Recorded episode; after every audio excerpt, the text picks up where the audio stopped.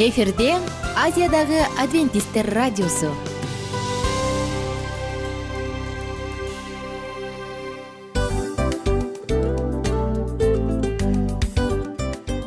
Достор салют. Баардык сүйүктүү угармандарыбызга салам айтабыз. Кутман күнүңүздөр менен. Ден соолук өмүрдүн булагы демекчи саламат саамы программасында баарыңыздарды көргөнүбүзгө абдан кубанычтабыз. Анда алгач амандашып өтөлү арбаңыздар деп. Ден соолугуңуздар кандай элибизде көбүнчө ден соолук кандай дегенде эле жакшы деп жооп беребиз э? ооруп турсак дагы жакшы дейбиз. Анан мен муну айтып ойлойт элем бул абдан сонун сөз депчи анткени бул жакшы деген үмүт да э ооба баары жакшы болот. Баары сонун. Деп үмүттөнүп атып эле өзүбүздү өзүбүз дарылап коебуз.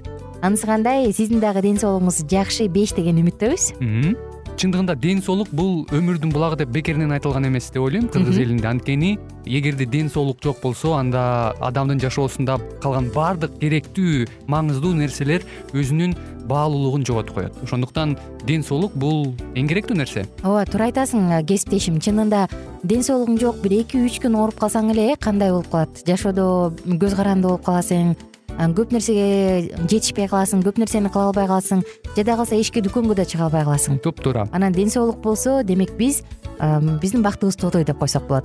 Анда достор саламат саамы рубрикабызды баштайлы. Алдыда өзүңүзгө керектүү болгон сонун кеңештерди уга аласыздар. Мына ошондуктан биз менен бирге болуңуздар. Ал эми биз болсо милан жана айнура. Кеттик алга. Алга саламат саама ден соолуктун жарчысы. Саламат саама ден соолуктун ачкычы. Күн сайын сиз үчүн мыкты кеңештер сонун жаңылыктар кызыктуу фактылар. Биздин рубрикада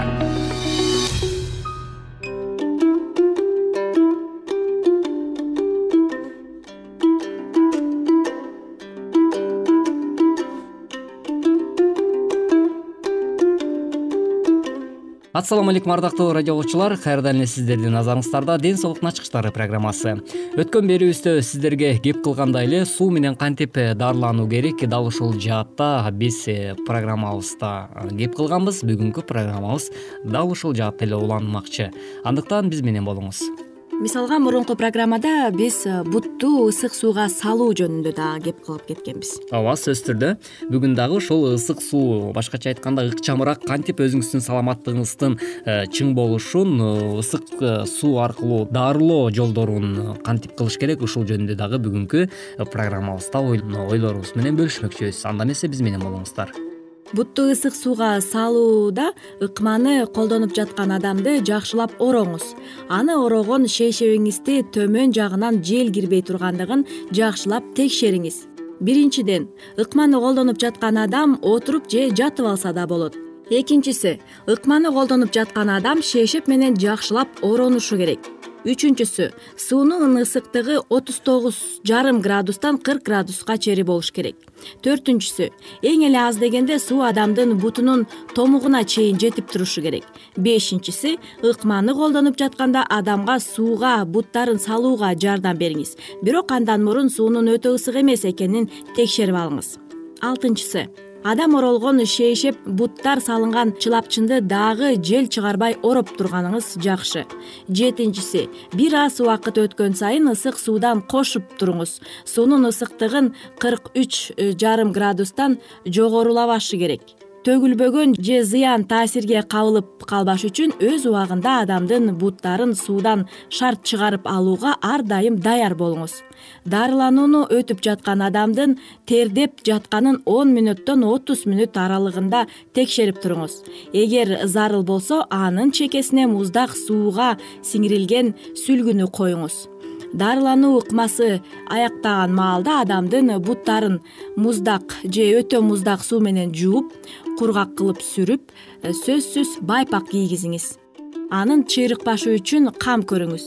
Эгер ал үшүкчөл болуп чыйрыкса анда анын буттарын муздак суу менен жуубай деле койсоңуз болот ооба сөзсүз түрдө бул ыкманы колдонууда э, албетте үй шартында өзүңүздүн ушул жакын адамыңызга мүмкүн э, жарым жубайыңызга дегендей балким балдарыңызга бул ыкманы колдонуу жаатында сөзсүз түрдө бир адамдын көмөгү керек эмеспи мисалы эгерде бир адам э, сөзсүз түрдө бул сыркоолоп калган адамга көмөк көрсөтпөсө демек ал адам өзү эч нерсе кыла албайт.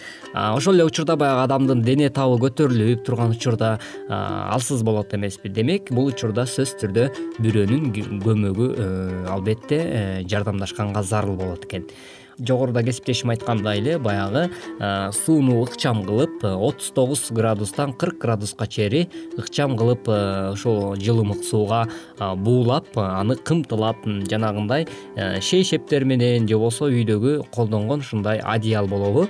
Сөзсүз түрдө баягы буу чыгып кетпеш үчүн жакшылап кам көрүп карап турганга дагы бир адам керек эмеспи эң негизгиси адам тердеши керек экен ооба сөзсүз түрдө тер менен э, баардыгыбызга белгилүү болгондой эле көп нерселер э, баягы орну алдын алганга жана э, эффективдүү ошол эле учурда тезирээк сакайганга жардамын берет эмеспи суу менен дарылануунун экинчи ыкмасы бул ысытылган сүлгүлөрдү колдонуу болуп эсептелинет экен. Бул ысытылган сүлгүлөрдү колдонуу сүлгүлөрдүн жардамы менен теринин ар кайсы бөлүктөрүнүн жылытуу ыкмасы болуп саналат экен. Бул ыкмада атайын сүлгүлөрдү же шейшеп кесиндилерди колдонсо болот.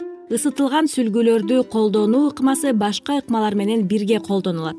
Мисалга биринчи тобун карап көрөлү бул ыкмада колдонуучу сүлгү же кездеме өзүнө сууну жакшы сиңирген кездемеден даярдалышы керек экен. Алардын көлөмү отуздан алтымыш сантиметрге чейин болуш керек жана калыңдыгы э, ноль беш сантиметрди түзөт экен ысытылган сүлгүлөрдү туура жол менен гана колдонушу керек. Муну алдын ала дени сак адам менен тажрыйба өтүп жакшылап үйрөнүп алуу зарыл чындап эле э, миң уккандан бир көргөн артык демекчи бул жашоодо демек э, ар бир нерсени кылып жаткан ошол нерсени билген адам менен сөзсүз түрдө кыла турган болсоңуз анда бул дагы баягы тажрыйба катары сизге дагы өзүнүн жакшы бир жардамын көрсөтөт деген ойдобуз. Себеби эле баягы э, бир нерсени билген адамдан ошол тажрыйба катары үйрөнүп алсаң аны ыкмаларды кандай колдонуп жатканын көрүп алган абдан жакшы эмеспи туурабы кесиптеш кандай дейсиң? Туура. Жана бул ыкманы ысытылган сүлгүлөр адамдын денесин ысыгын жогорулатуу үчүн колдонобуз. Мисалга кышында үшүп келсек э ушул ыкманы колдонсок дагы эң жакшы болот окшойт. Кандагы ак клеткалардын аракети жогорулайт экен жана теринин сырткы жактары кан менен жакшы кам болуусу үчүн жана ички мүчөлөрдө кереги жок арылуу үчүн дагы колдонсо болот экен. Булчуңдар чыңалып аягына чейин жазылбай калганда аларды э, кан менен жакшы кам кылып бош кылып булчуңдарды ашыкча чыңалууну төмөндөтүү үчүн колдонот экенбиз. Муундардын оорусун дагы басаңдатыш үчүн дагы колдонсо болот экен сөзсүз түрдө э, ушул э, суу менен дарылануу жаатында башкача айтканда биз жогоруда да айткандай эле ушул э, буулоо жолу аркылуу бул ыкмаларды колдонууда сиздин булчугуңузга деги эле суставтарга өзгөчө жардам берет экен. Мисалы суук тийген учурда ошол эле учурда кандайдыр бир кан тамырлардын чыңалуу системасы болгон учурларда колдонуш керек экен дененин ашыкча тердөө жолу менен дагы денедеги керексиз жана уулуу заттардын арылуусуна шарт түзөт экен дененин ысыгына жана ыкманы колдонуунун убактысына жараша денени э, жайлантып жана анын ишин күчөтүү үчүн дагы колдонсо болот экен ал эми урматтуу угармандар э, сиздер бүгүнкү берүүбүздө дал ушул суу жолу менен кантип дарыланыш керек? Э, башкача айтканда буулоо жолу аркылуу өзүңүздүн саламаттыгыңызды кантип чыңдай аласыз? Ушул туурасында бүгүнкү программада кеңеш кептерге орток болдуңуз деген э, үмүт менен бүгүнкү биздин берүүдө кандайдыр бир эрежелерди жашооңузда колдоно турган болсоңуз сиздин жашооңузга жакшы бир натыйжасын берсин деген тилек менен бүгүнкү программаны жыйынтыктамакчыбыз. Кийинки берүүдөн кезишкенче аман болуңуздар сак саламат саламатта калыңыз. Саламат саама ден соолуктун жарчысы. Саламат саама ден соолуктун ачкычы. Күн сайын сиз үчүн мыкты кеңештер сонун жаңылыктар кызыктуу фактылар биздин рубрикада.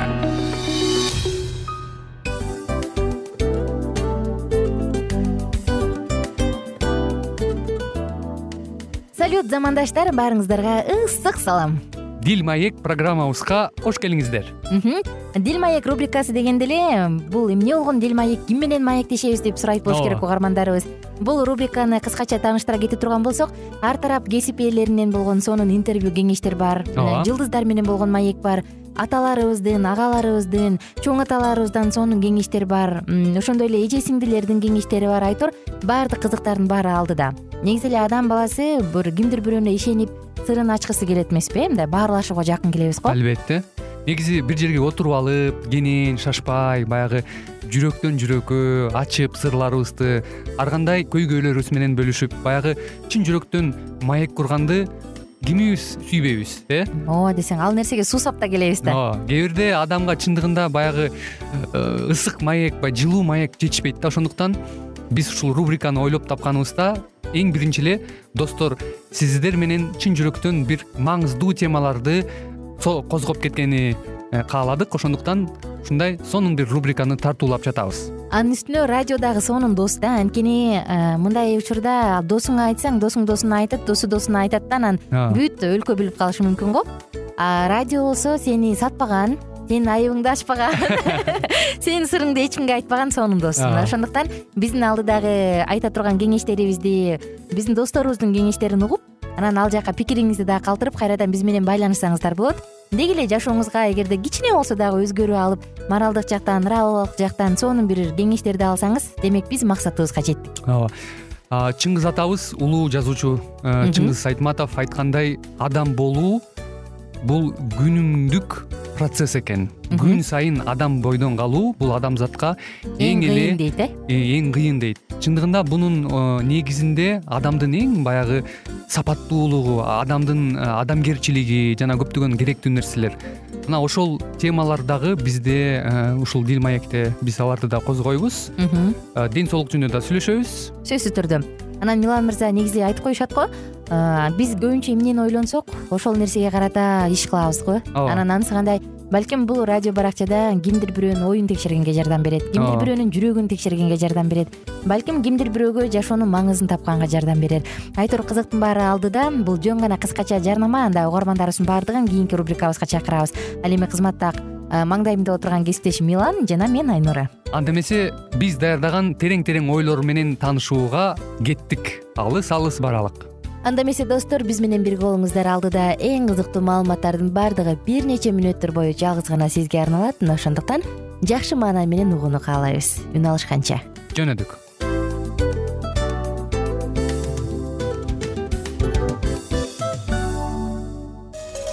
Ар түрдүү ардактуу кесип ээлеринен алтын сөздөр жүрөк ачышкан сыр чачышкан сонун маек дил маек рубрикасында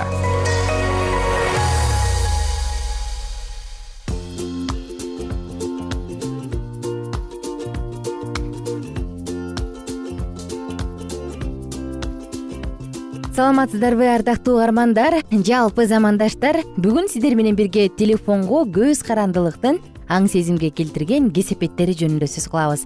Жыйырма биринчи кылым технологиянын укмуштуу ылдамдык менен өсүп өнүккөн учуру. Кошуласызбы?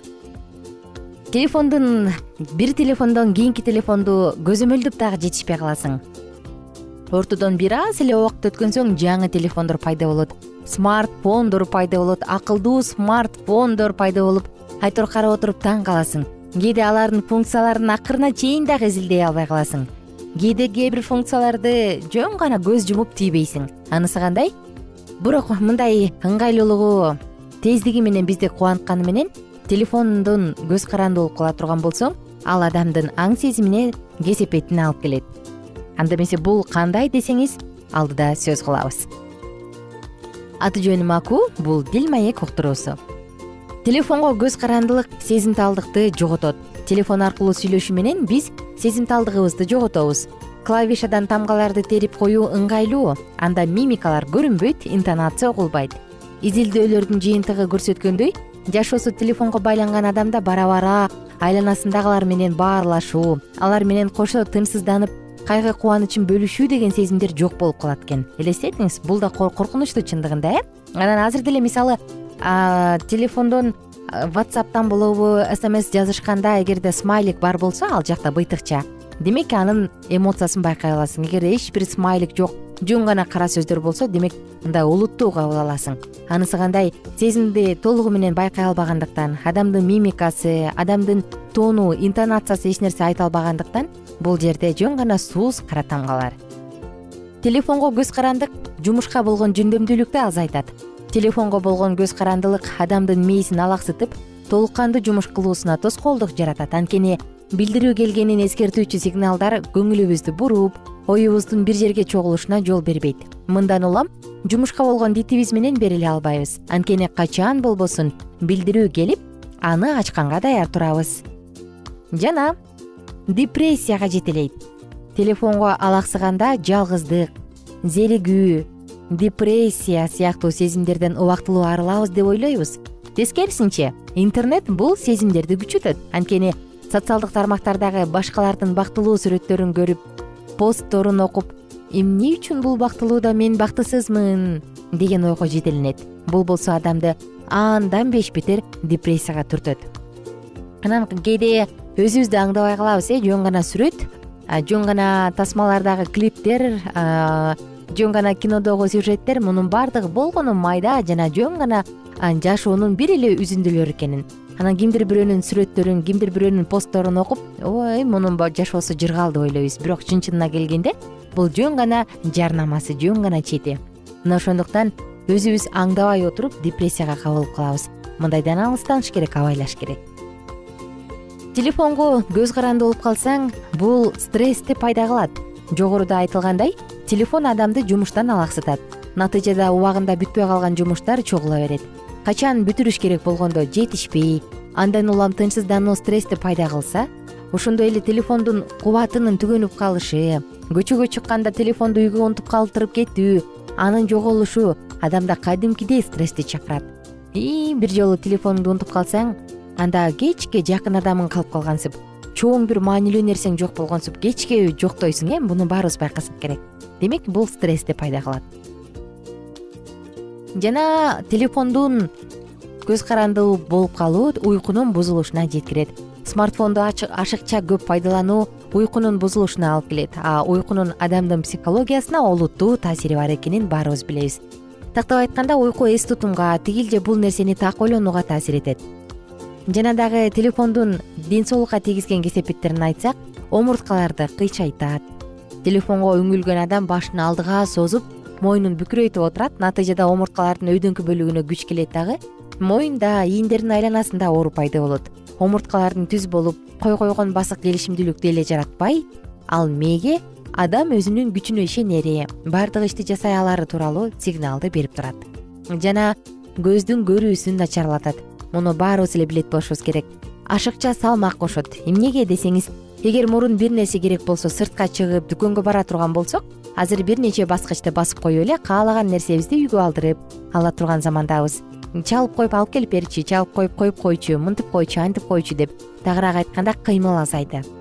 Жана иммунитетти түшүрөт. Социалдык тармактар менен ооруган адамдар сасык тумоо менен отуз пайызга көп оорушат анткени алар жогоруда айтылгандай стресске көп кабылышат стресс абалындагы чыңалуу анан кайра жеңилденүү абалдарынын алмашышы организмдеги кортизолдун деңгээлин өзгөртүп турат. А кортизол иммундук система менен түздөн түз байланышта.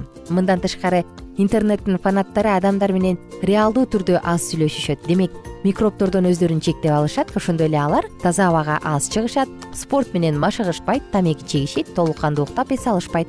Мунун баары иммунитеттин төмөндөшүнө алып келет. Жана достор жүрөк кан тамыр ооруларын чакырат. Монитордон көз албай отуруп тынымсыз ичилген чай кофе энергетикалык суусундуктар жүрөктүн иштешине терс таасирин тийгизет. Ошондой эле бир орунда көпкө отуруу кан айлануу системасын бузат. Буга он эки саат бою интернетте отурган баланын тромбу жарылып каза болгон окуя сыяктуу мисал. Достор сиздер менен бүгүн биз телефондун көз карандуу болуп калуу кандай зыяндуу жана ал ден соолукка кандай зыян алып келерин баардыгын айттык. Э, алдыда болсо кийинки уктурууларда буюрса телефондон көз карандуулуктан ажыралыш үчүн андан арылыш үчүн эмне кылса болот? Мына ушунун жолун дагы айтып беребиз. Мына ошондуктан биз менен бирге болуңуздар. Бир гана пайдалуу жана мыкты кеңештер сиздер үчүн жаңырат. Атым аку кайрадан жалпыңыздар менен амандашканча сак саламатта туруңуздар деп убактылуу гана коштошом кийинки уктурууларда сиздерди күтөбүз. Биз менен бирге болуңуздар жана күнүңүздөр көңүлдүү улансын. Ар түрдүү ардактуу кесип ээлеринен алтын сөздөр жүрөк ачышкан сыр чачышкан сонун маек дил маек рубрикасында.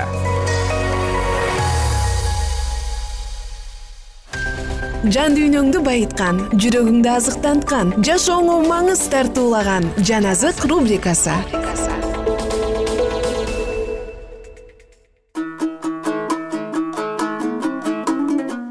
кутмандуу күнүңүздөр менен ардактуу айымдар жана мырзалар жалпыңыздарга дагы бир жолу ысык салам айтабыз дагы сиздер менен улуу күрөш китебин андан ары улантабыз.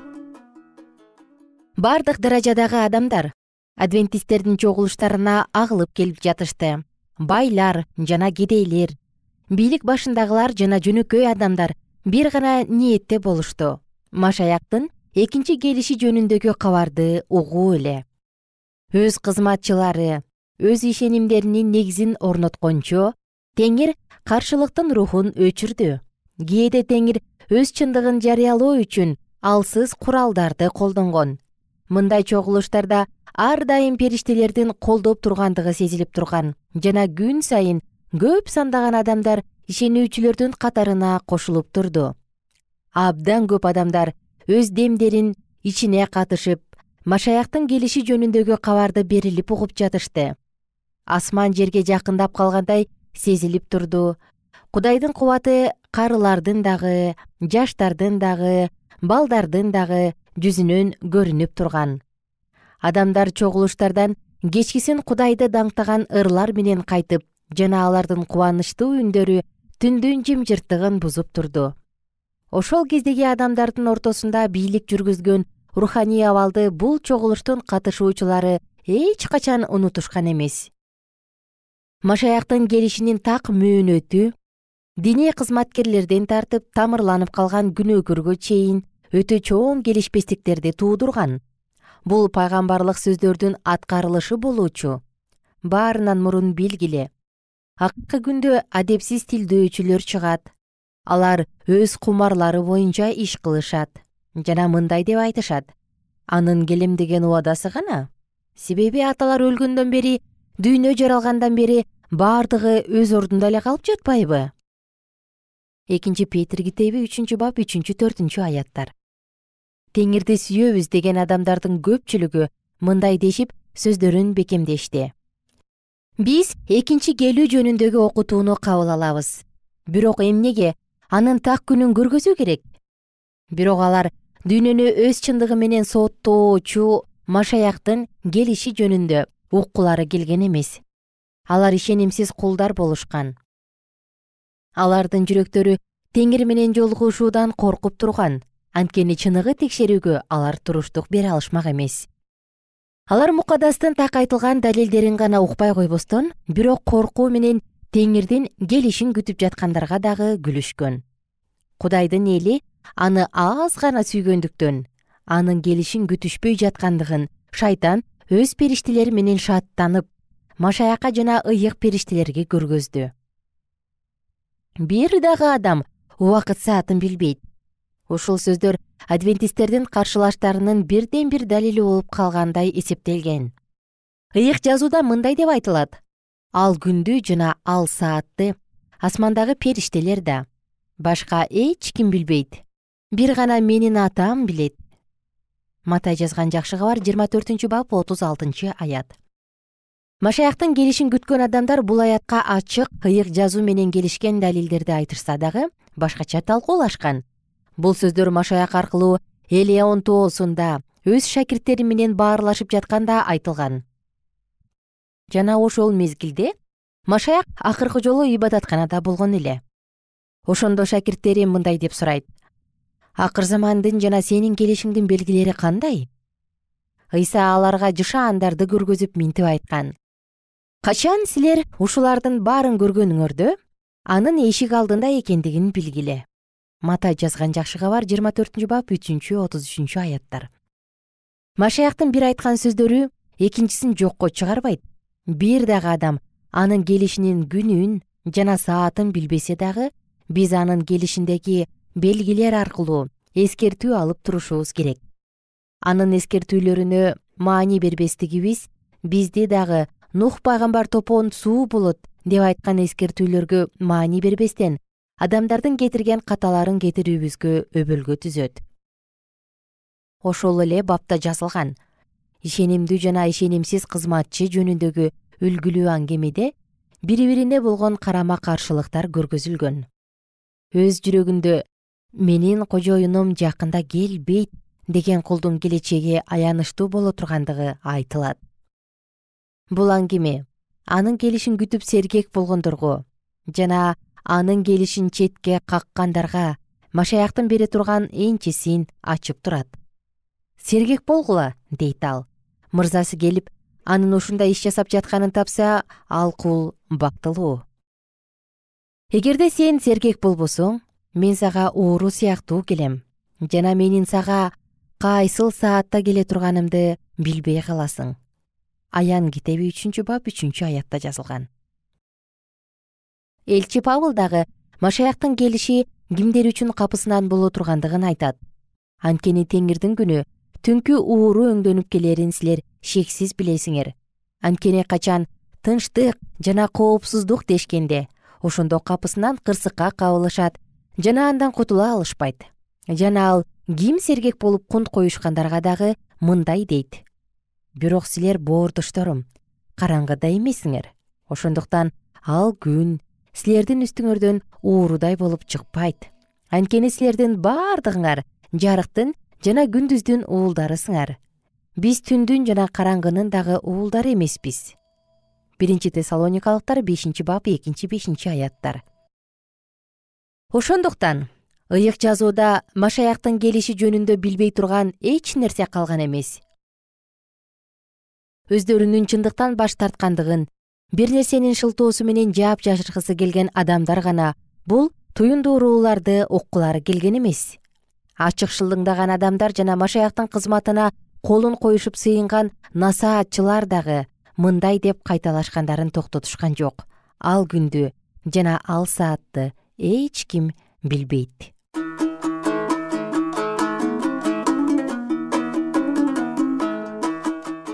Ардактуу угарман сиздин жашооңузда дагы күтүүсүз окуялар күтүүсүз учурлар байкалбастан келет. Ыйса машаяктын келүүсү дагы күтүүсүздөн келиши мүмкүн. А сиз даярсызбы сиздер менен ушул сонун китептин уландысын кийинки уктуруудан кайрадан улантабыз. Ага чейин амандашканча деп сак саламатта туруңуздар деп коштошобуз. Үн алышканча.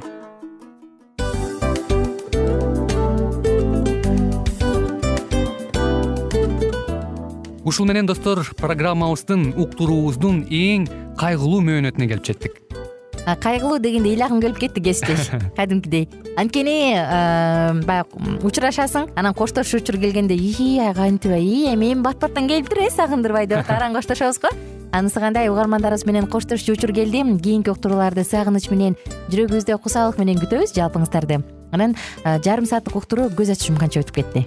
Сөзсүз бирок бизде жакшы кабар бар. Кийинки уктурууларыбызда сөзсүз дагы кезигишебиз. Анткени биз көптөгөн сюрприздерди кызыктуу маалыматтарды жана керектүү керектүү нерселердин көпүнчөсүн даярдадык андай угармандарыбыздын баардыгына ийгиликтүү күн каалайбыз эгерде бүгүнкү күнүңүз өзгөчө э, өтүшүн кааласаңыз анда позитивдүү ой жүгүртүп жылмайып жакындарыңызга жакшы маанай тартуулап жүрө бериңиз анткени сөзсүз түрдө мунун арты кайтат э? Сөзсүз. Баягы ден соолугуң оңолот ал бул деп көп нерсени санап келебиз. Эң негизгиси бул сиздин жашооңузду жаркын кыла түшөт экен жараткан кудай ар бирөөңүздөргө батасын берсин жашооңуз ийгиликтүү болсун сак саламатта калыңыздар деп мен милан жана кесиптешим айнура. Баардыгыңыздар менен кийинки уктурууда үн алышканча баарыңыздарга ийгилик каалайбыз.